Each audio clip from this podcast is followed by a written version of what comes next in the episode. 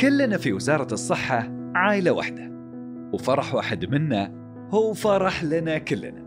عشان كذا نحب دائما إننا قبل لا نبدأ الحلقة نستفتح بالأخبار الحلوة ونهني زملائنا بمناسباتهم السعيدة.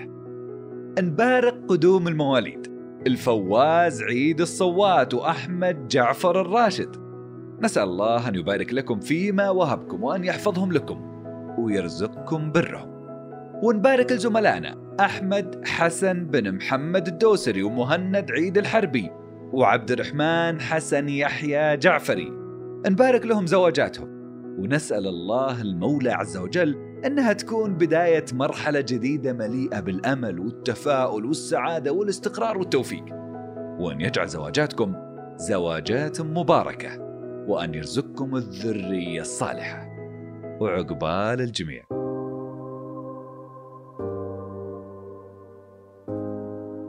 يا هلا وسهلا.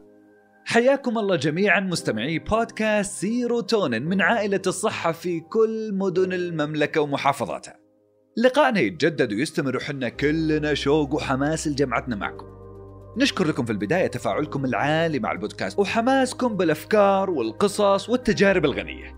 السفر هذه الكلمة السحرية اللي حتى التفكير فيها يملى الروح سعادة وابتهاج. الكل يحب السفر والكثير ينتظرون الإجازات بفارغ صبر وشناطهم أصلا جاهزة. الناس تسافر عشان تكسر الروتين وتجدد وتغير وتروح عن نفسها وتبتعد عن المسؤوليات والضغوط لو لفترة بسيطة. وكل هذا الشوق والأحاسيس الحلوة تجاه السفر تعكس حاجة الإنسان أنه ياخذ إجازة ويبتعد عن المسؤولية والشغل بعض الوقت عشان يشحن طاقته من جديد. هذا اللي أثبتته كثير من الدراسات اللي تؤكد أن الإجازة مو بس وقت تقضيه أو يقضيه الشخص بدون شغل بل هي ذات تأثير كبير ومهم على صحته وتحسين إنتاجيته ونشاطه وأدائه الوظيفي. في حلقتنا اليوم راح نتكلم عن السفر وفوائد السفر الكثيرة على إجازاتنا ووظائفنا وكل جوانب حياتنا.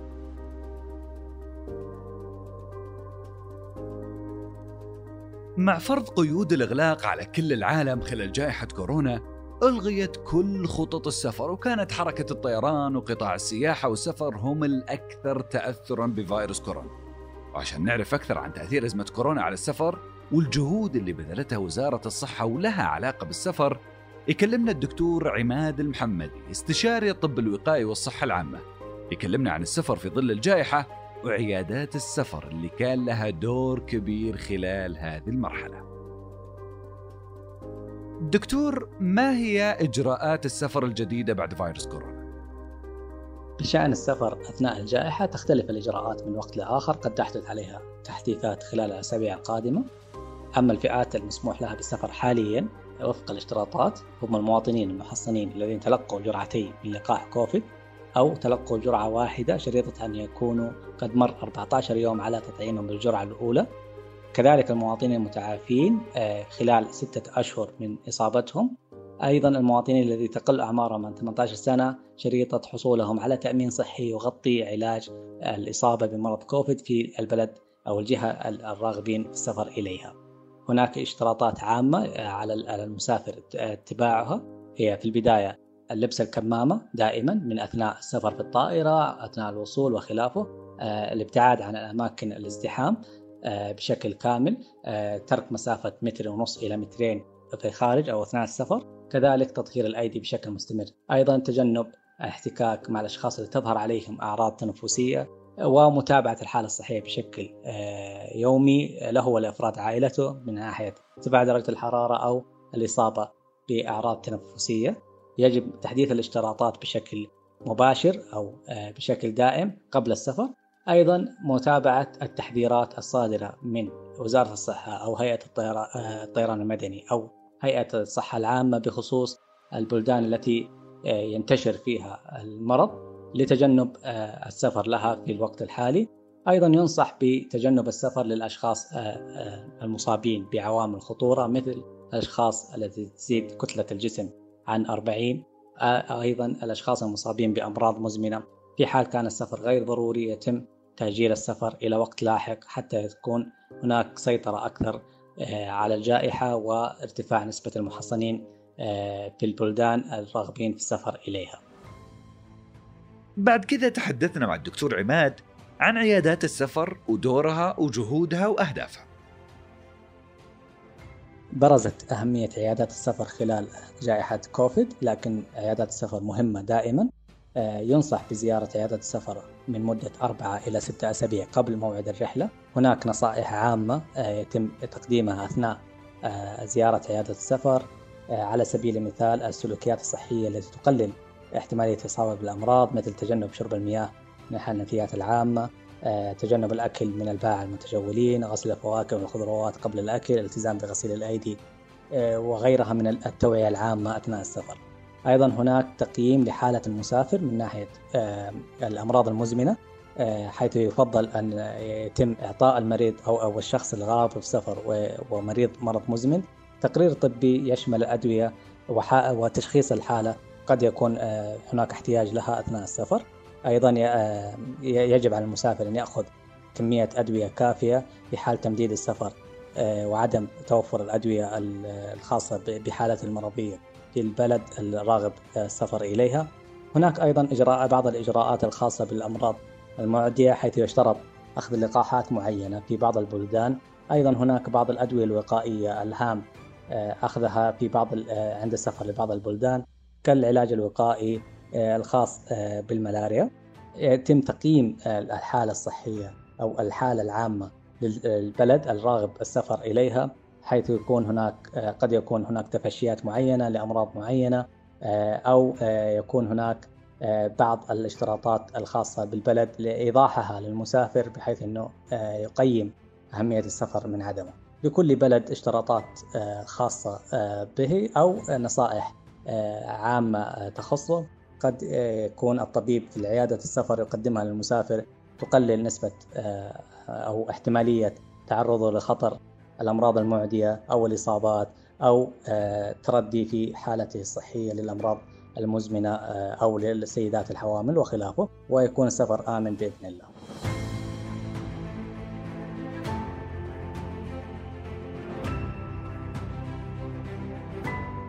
السفر مو بس متعة ورفاهية وتغيير جو. السفر مطلب وحاجة ملحة لصحة الإنسان النفسية والعقلية والجسدية. والسفر بالنسبة لضيف حلقة اليوم هو مهنته. يوسف سديس هو رحالة سعودي. يعرف نفسه بأنه سواح يحسب عمره بأيام سفره. اشتهر يوسف على منصات التواصل الاجتماعي بحبه وشغفه لاكتشاف المدن والثقافات حول العالم. وبصفته خبير في السفر راح يكلمنا اليوم عن فوائد السفر وتأثيره علينا. ويشاركنا بتجاربه ونصايحه.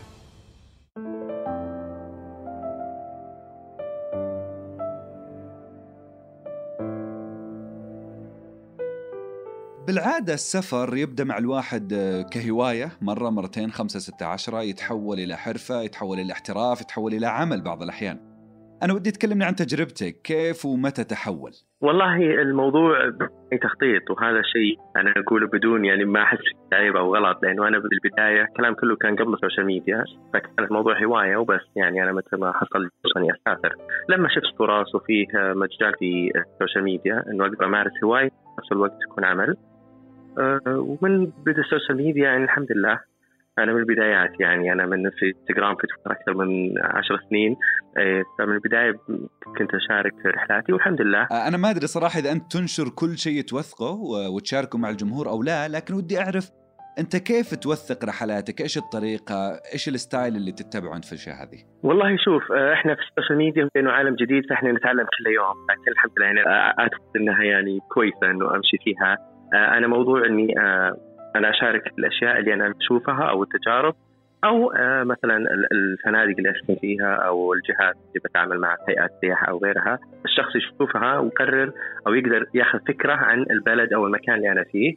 أنا ماني من النوع الناس اللي أقول لك لازم تسوي كذا ولازم تروح للشيء هذا. لأنه مو أنا اللي اقرر لكن أنا طريقتي إني أنا أوريك الاشياء اللي أنا أسويها. يعني اللي يتابعك ما يقدر ما يقدر يميز بالضبط شو اللي عاجبك وش اللي مو بعاجبك لكن إحنا بنسألك يعني وش أكثر بلد اللي أنت استمتعت فيه؟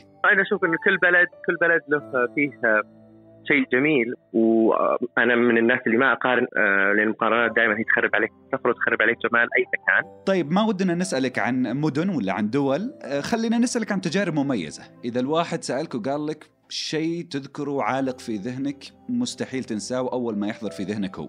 إيش هو؟ هي هي الموضوع ما هي تجربة محددة هي الفكرة بحد ذاتها الخروج من منطقة الراحة أو ال out comfort zone لأنه أشوف أن هذه هي اللي تغير فيك شيء كثير في معنى السفر أو حتى في الرحلة.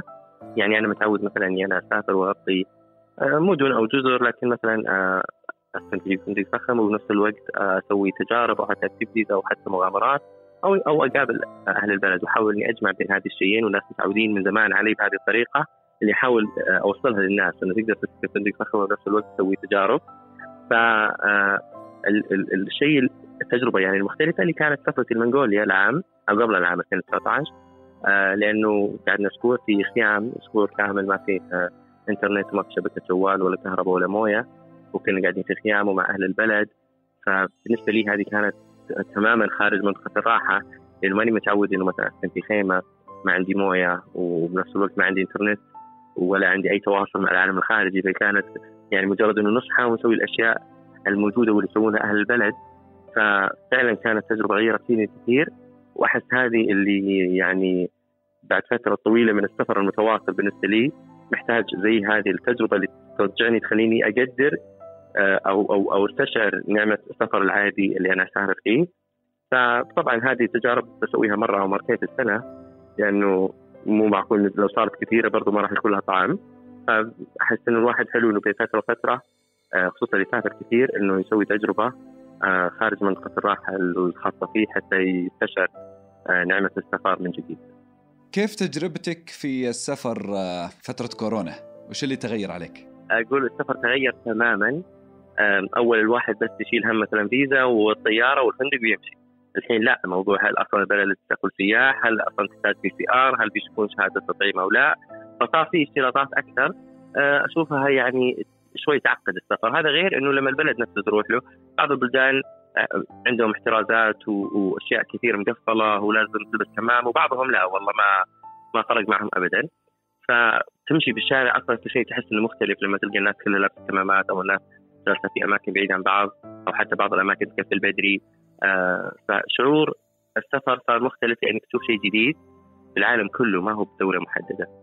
آه لكن أنا أشوف بس آخر جزء من هذا الجواب أشوف إنه ك أنا كمؤثر في مجال السفر هذا يعني هذا الوقت اللي أنا أسافر فيه عشان أوري الناس وانقل لهم التجارب اللي الحين صاير لأنه في كثير من الناس خايفين إنهم يسافرون. فبالعكس ينتظرون أحد يروح يوريهم وينقل لهم الصاير.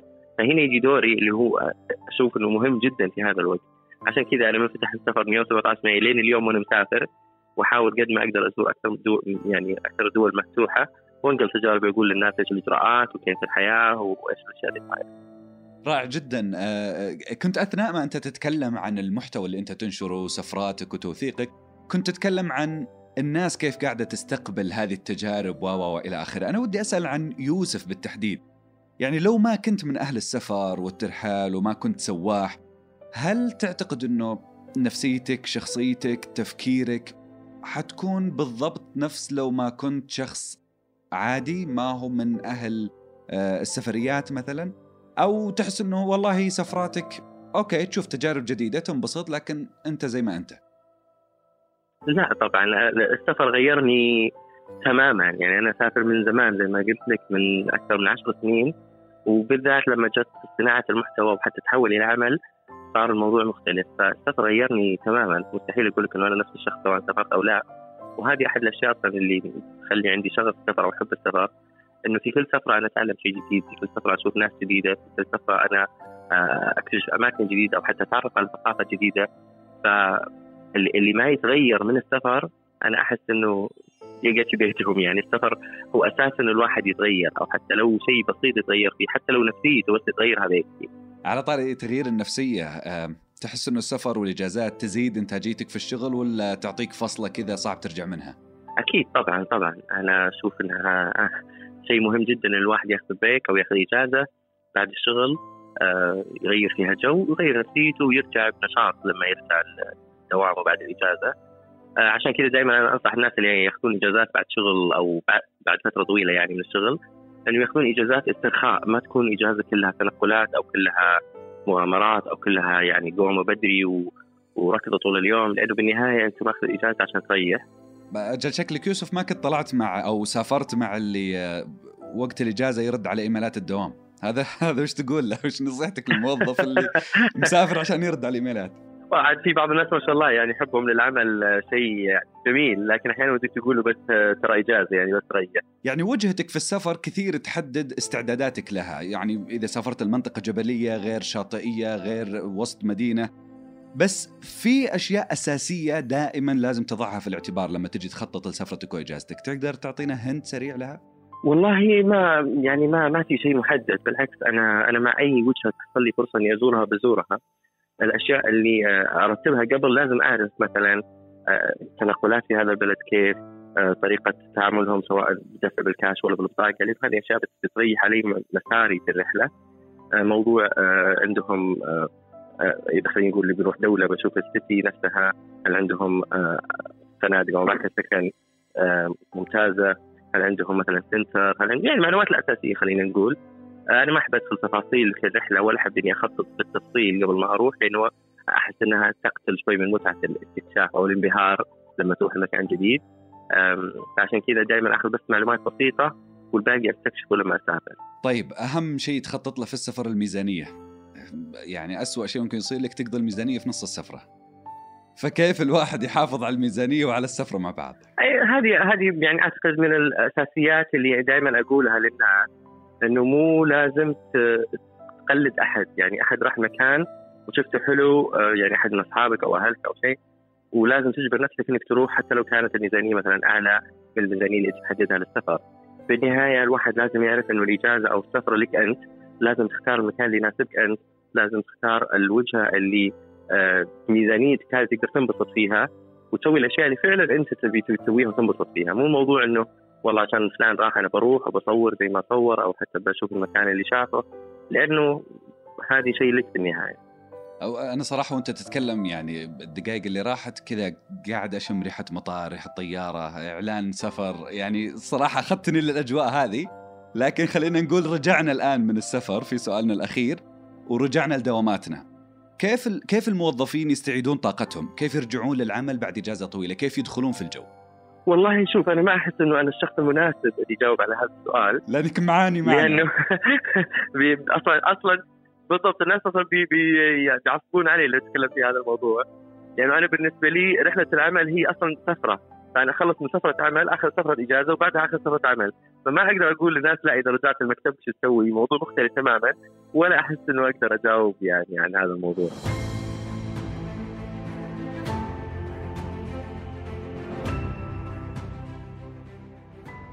تقدير وتتويج للجهود العظيمة اللي بذلتها وزارة الصحة في التصدي لفيروس كورونا في حسن إدارتها للأزمة وقيامها بعدد من المبادرات وتدشين التطبيقات الإلكترونية الذكية للحفاظ على الأمن الصحي. أهدى وزير الصحة الدكتور توفيق الربيعة جائزة مكة للتميز الإداري اللي حصلت عليها وزارة الصحة من الأمير خالد الفيصل بن عبد العزيز أهداها إلى كل منسوبي الوزارة. أهداها لهم لأنهم يستحقونها بتفانيهم وإخلاصهم المستمر وعزيمتهم لهزيمة الوباء. بالفعل كانت النتائج مميزة ومبهرة. لهم منا كل الشكر والعرفان. والوزير الصحة على قيادته واهتمامه وتقديره ومع الكثير من عبارات الشكر والتقدير والدعم قدم عدد من المحلات والمنظمات والشركات عروض ومزايا وخصومات خاصة لجنود الصحة كمحاولة لرد الجميل لهم على كل جهودهم المبذولة. ولأن حلقتنا اليوم عن السفر جمعنا لكم عدد من الخصومات اللي تستعملونها لسفركم عشان تستمتعون بإجازاتكم وتقضونها بالشكل اللي تحلمون فيه. قدمت عطلات السعودية خصم بقيمة 20% لمنسوبين الصحة. وقدمت المسافر خصم بقيمة 7% وفنادق ذا أدرس وفنادق الهيلتون حول العالم برضو خصصت خصومات مميزة المنسوبين الصحة. لأنكم شريان العطاء النابض وأيقونة التضحية والولاء الخالص لهذا الوطن الغالي. لأنكم تقدمون الكثير. أنتم تستحقون الكثير.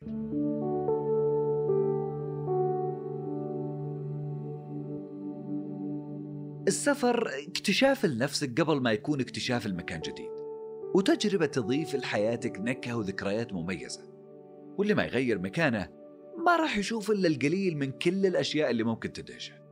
وكلنا نحتاج الاستراحة من وقت لآخر عشان نجدد فيها نشاطاتنا ونشاطنا الشخصي والذاتي والنفسي والعقلي والجسدي برضه عشان نرجع بكامل حيويتنا وإنتاجنا. وليكن السفر استراحة محارب. تمهد لانطلاقه أقوى بإذن الله.